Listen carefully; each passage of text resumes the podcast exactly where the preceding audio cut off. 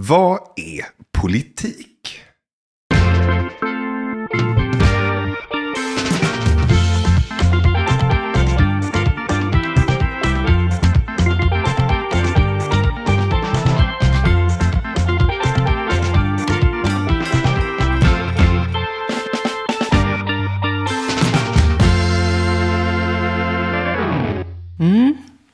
Det kan vara väldigt många olika saker. Om du frågar en statsvetare eller ChatGPT, som jag gjorde i morse, så kommer den att, eller de säga att det, är, det handlar om hur vi fördelar resurser, vem som får vad, när och hur, hur vi organiserar vårt samhälle, vilken sorts styrelseskick vi har, är det demokrati, är det diktatur och ja, allt det där.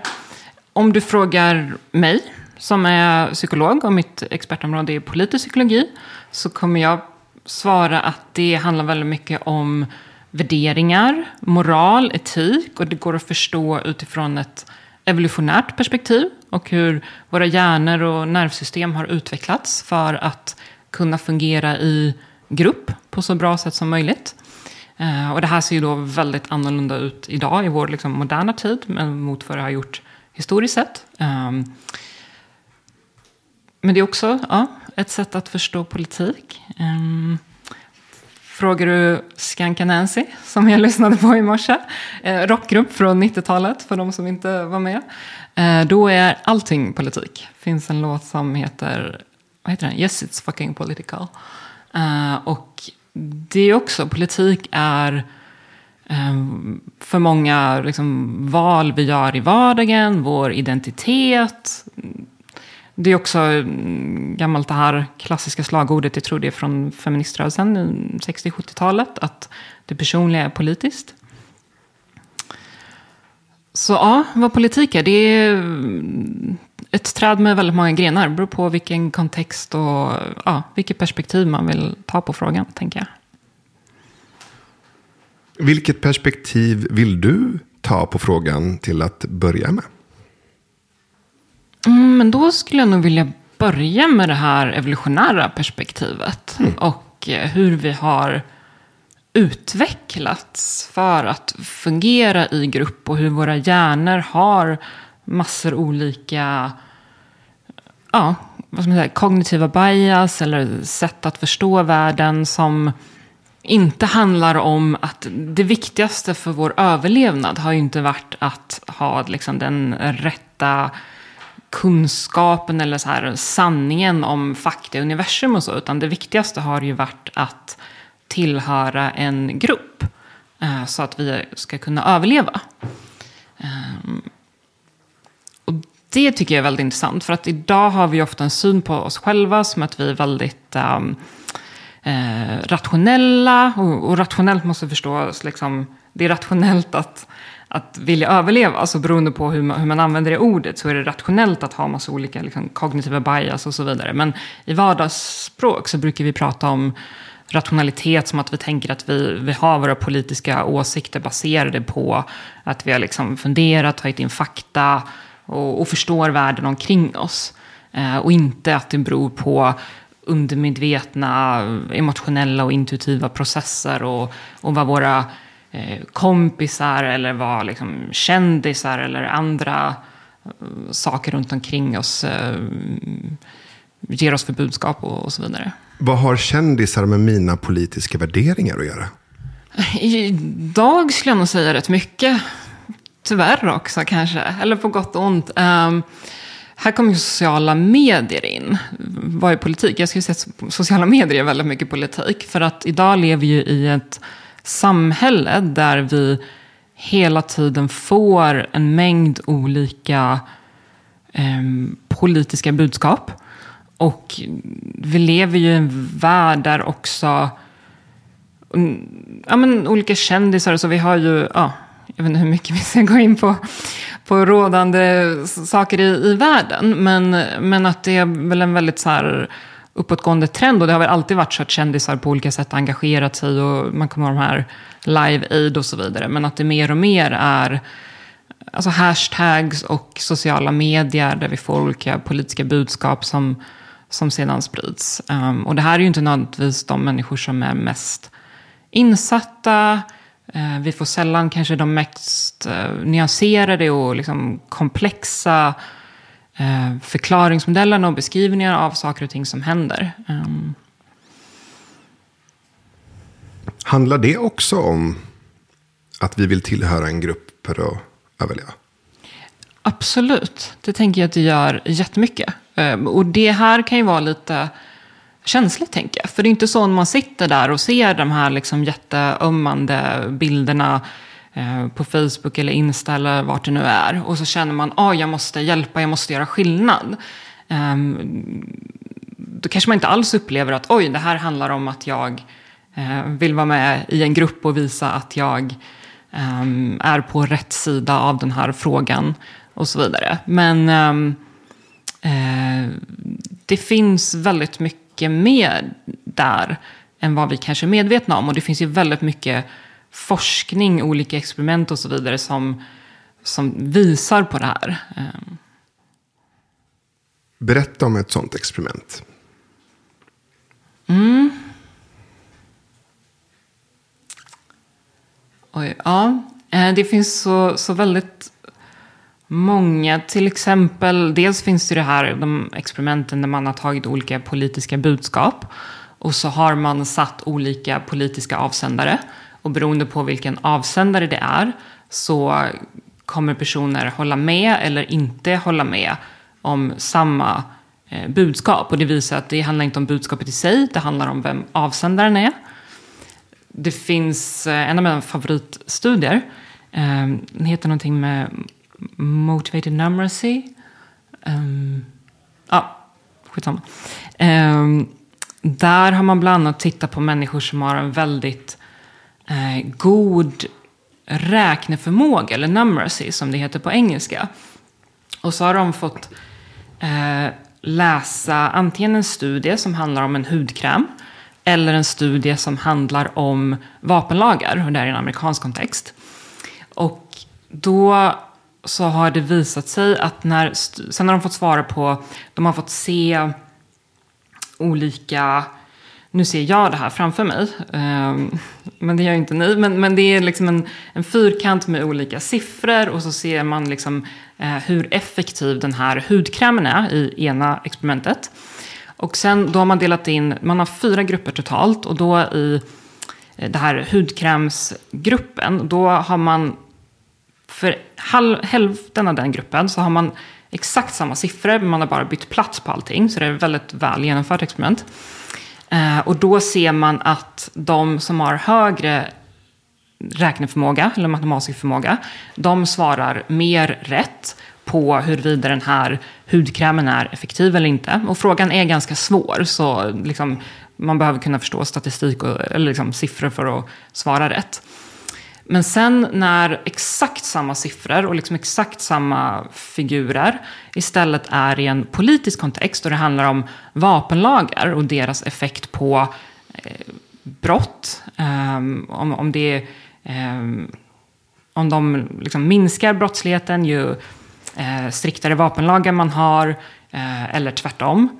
Och då ser man att, det är inte samma personer, men det är andra personer i den eh, gruppen då, men fortfarande de personer med god räkneförmåga, de gör relativt mycket mer fel, bara för att frågan är i en politisk kontext. Och det här är också en vanlig så här, missuppfattning, att personer som har hög IQ eller skulle vara mer utbildade eh, skulle vara då mycket bättre på att inte liksom blanda in politik och grupptillhörighet och, och sådana saker. Men, men det visar snarare vara nästan tvärtom. Att ju mer, kanske ju mer, och det handlar inte om kanske utbildning och IQ, men det handlar om att ofta ju mer utbildning du har, ehm, då så kommer du vara mer politiskt engagerad. Du kommer vara i en mer politisk kontext. Och då blir det ännu viktigare för dig att ha rätt, nya citationstecken här i luften som ingen ser, men så att ni vet. Ehm, rätt ehm, politisk åsikt för att nu kanske det inte handlar om överlevnad, men våra nervsystem och hjärnor tror fortfarande det. Och det handlar idag i allra högsta grad om att få behålla ditt jobb, att få behålla ditt sociala nätverk, att få behålla ja, men ditt anseende och så vidare. Vilket är superviktigt. Bland det viktigaste som finns för oss människor.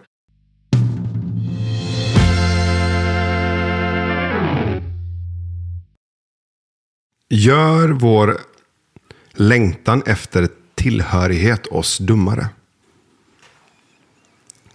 Ja, och så, så tänker jag dummare är så tråkigt. Och nu kommer min compassion här. Kanske mindre funktionell. Saved it. Okej, okej. Ja, okej. Okej då.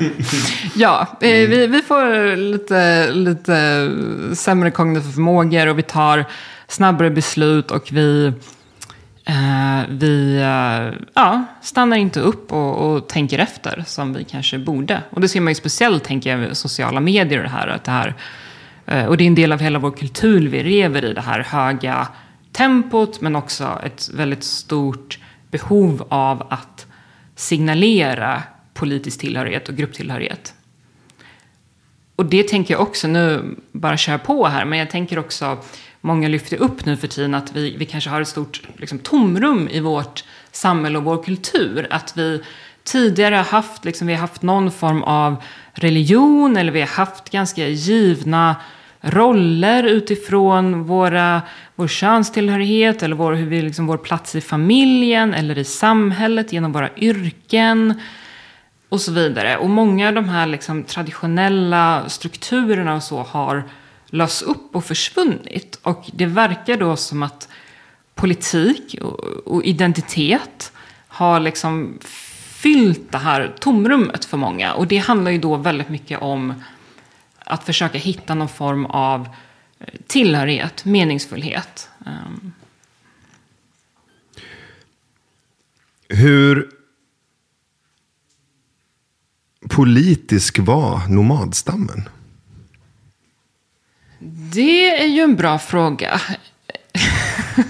och, jo, men det beror ju återigen på hur man använder ordet politik. För att jag tänker allting är politiskt. Som Skankanasi också tänker. Att i, bara i vår liksom vänskapsrelationer, organisationer så finns det ju alltid, vi är hierarkiska varelser. Även om många har ett ideal av att vi inte skulle vara det. Men eh, också finns det mycket ja, forskning och studier som, som visar att det ändå finns en eh, status är liksom ofrånkomligt något som vi människor ägnar oss åt.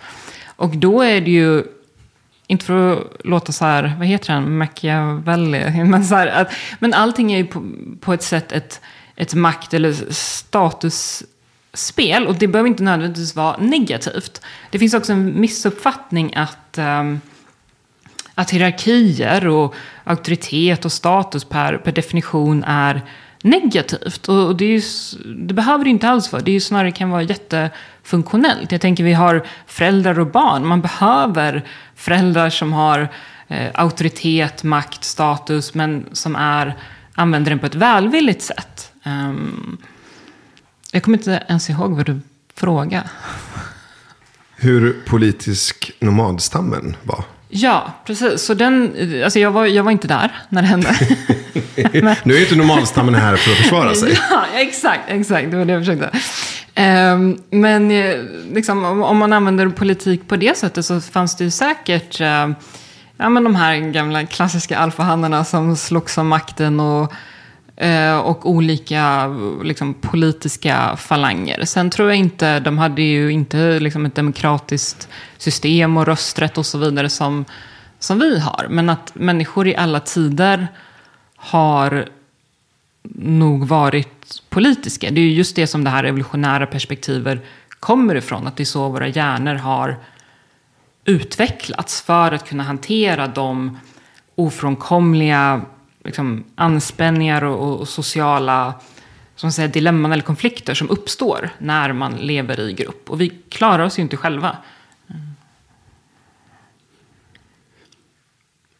Vad är viktigt att veta om politisk psykologi för att börja förstå det ämnet? Var börjar vi någonstans? Mm. Då, då, tänker jag på den kurs jag ger och där börjar jag faktiskt med att kritisera hela fältet. eh, politpsykologi. För att det finns, precis, det finns ett, eh, ett akademiskt ämne som heter politpsykologi som är väldigt brett och det handlar om att förstå eh, olika psykologiska processer och, och politik på olika sätt. Och det finns en hel del problem inom det fältet, eller har funnits. Och jag tror det var 2015 så kom det en väldigt bra eh, artikel om det här. Bland annat Jonathan Haidt och sen Lotta Stern här vid Stockholms eh, universitet som har skrivit den. Och de lyfte upp att, att det är väldigt lätt att, även då som jag redan har pratat om, att forskare och folk med liksom akademisk utbildning också, det här gäller oss alla, de är också påverkade av olika kognitiva bias och så vidare. Så då finns det problem när det blir väldigt homogent, att väldigt många eh, forskare och personer inom de här liksom, akademiska institutionerna och så har samma politiska åsikter. Och det har varit väldigt stort fokus, tänker jag, de senaste åren och fortfarande att man, man pratar väldigt mycket om demografisk eh, diversity, alltså mångfald, att man ska ha olika etnicitet och ålder och, och kön och så vidare. Men man har lite missat det här att det är lika viktigt och vissa studier visar att det kanske är ännu mer viktigt att man har viewpoint diversity. Och jag ber om ursäkt för, jag, pratar, jag undervisar på engelska om det här så att jag pratar mest engelska. Men eh, det betyder viewpoint diversity, alltså man har många olika åsikter. För det som annars lätt händer, som har hänt i en del av forskningen, är att man, man har till exempel gjort eh, studier där man har ställt frågor om huruvida folk är in denial of um, climate change och så vidare. Och, um, ja, nu har jag inte det helt klart i huvudet, men då har man liksom själva frågeställningen, man har inte ställt frågor om objektiva fakta som man faktiskt kan ha en liksom korrekt åsikt om. Men det här liksom minskar isen på vart den är, min okunskap, Antarktis, Arktis, um, så vidare. Det är, liksom, det, är ett, det är ett objektivt faktapåstående. Sen kan man alltid liksom prata om ja, hur mycket och så vidare. Men, men man har, istället för att ha sådana frågeställningar så har man haft eh, frågeställningar som har varit väldigt eh, abstrakta och sen har man då folk som då har svarat mm, på olika frågor att nej men eh, klimatkrisen är inte så allvarlig som vi tror. Då har man liksom kommit fram till att resultatet då att om de här människorna är i denial.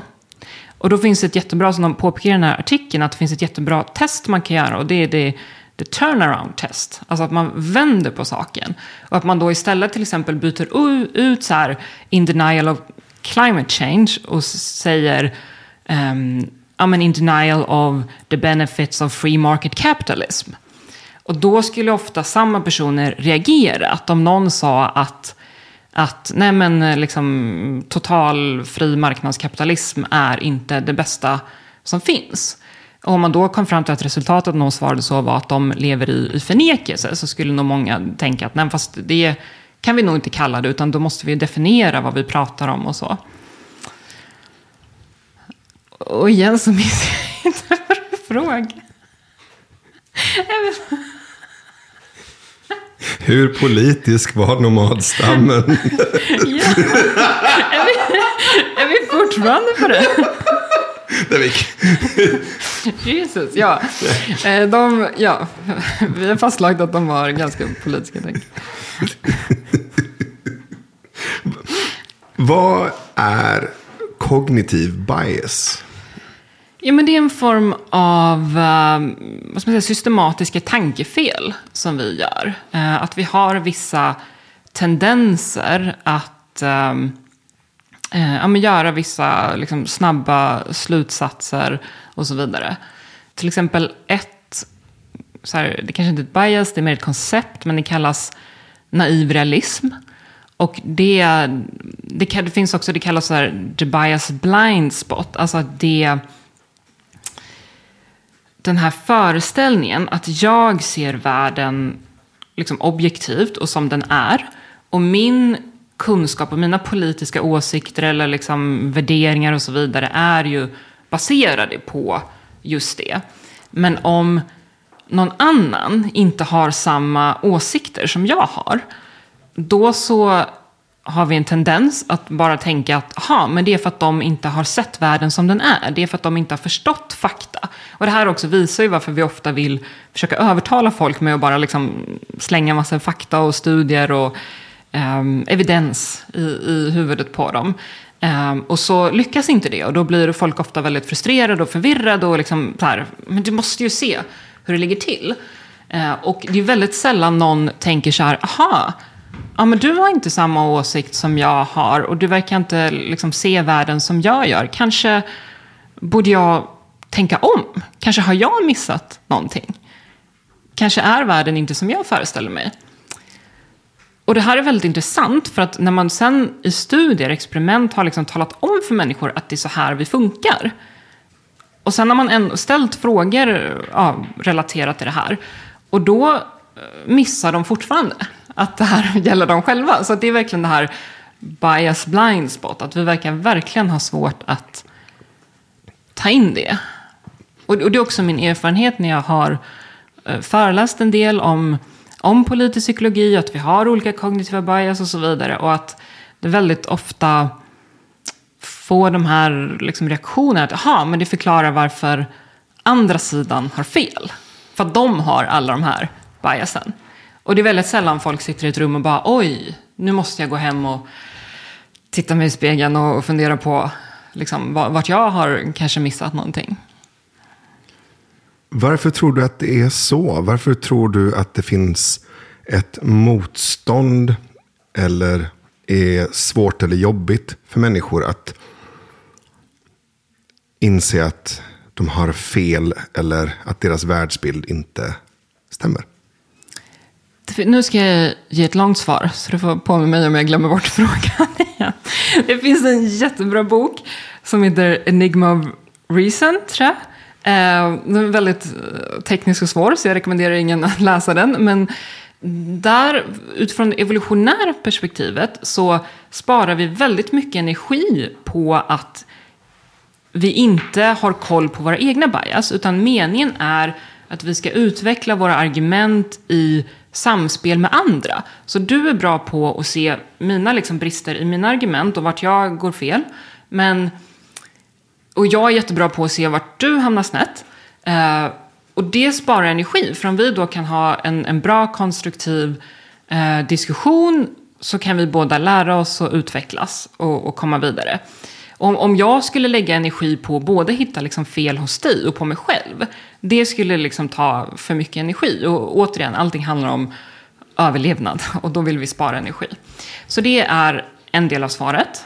Och nu gjorde jag en liksom väldigt enkel sammanfattning av en väldigt eh, tung, svår, komplex bok. Eh, men om man vill gräva djupare så, så kan man ge sig på boken istället. Eh, men det andra svaret tänker jag också handlar mycket. Jag är också eh, klinisk psykolog. Eh, och det här tänker jag också handla väldigt mycket om det är jobbigt. Alltså det handlar om identitet, om känslighet, om, om ens ego, alltså självbild. Hur trygg är jag i mig själv? Ehm, um, Sådana saker. Uh, som gör det väldigt... Det handlar inte bara om politiska frågor. Det handlar ju, jag tänker om man tittar på relationer och så. Om, Alltså om någon ifrågasätter, har du, liksom, varför har du inte gjort varför har du inte diskat? Eller så här. Det kan vara väldigt känsligt. Det, det är inte politiskt, utan det, är det tänker jag handlar om eh, hur, hur trygga vi är oss själva och eh, ja, olika sådana faktorer också.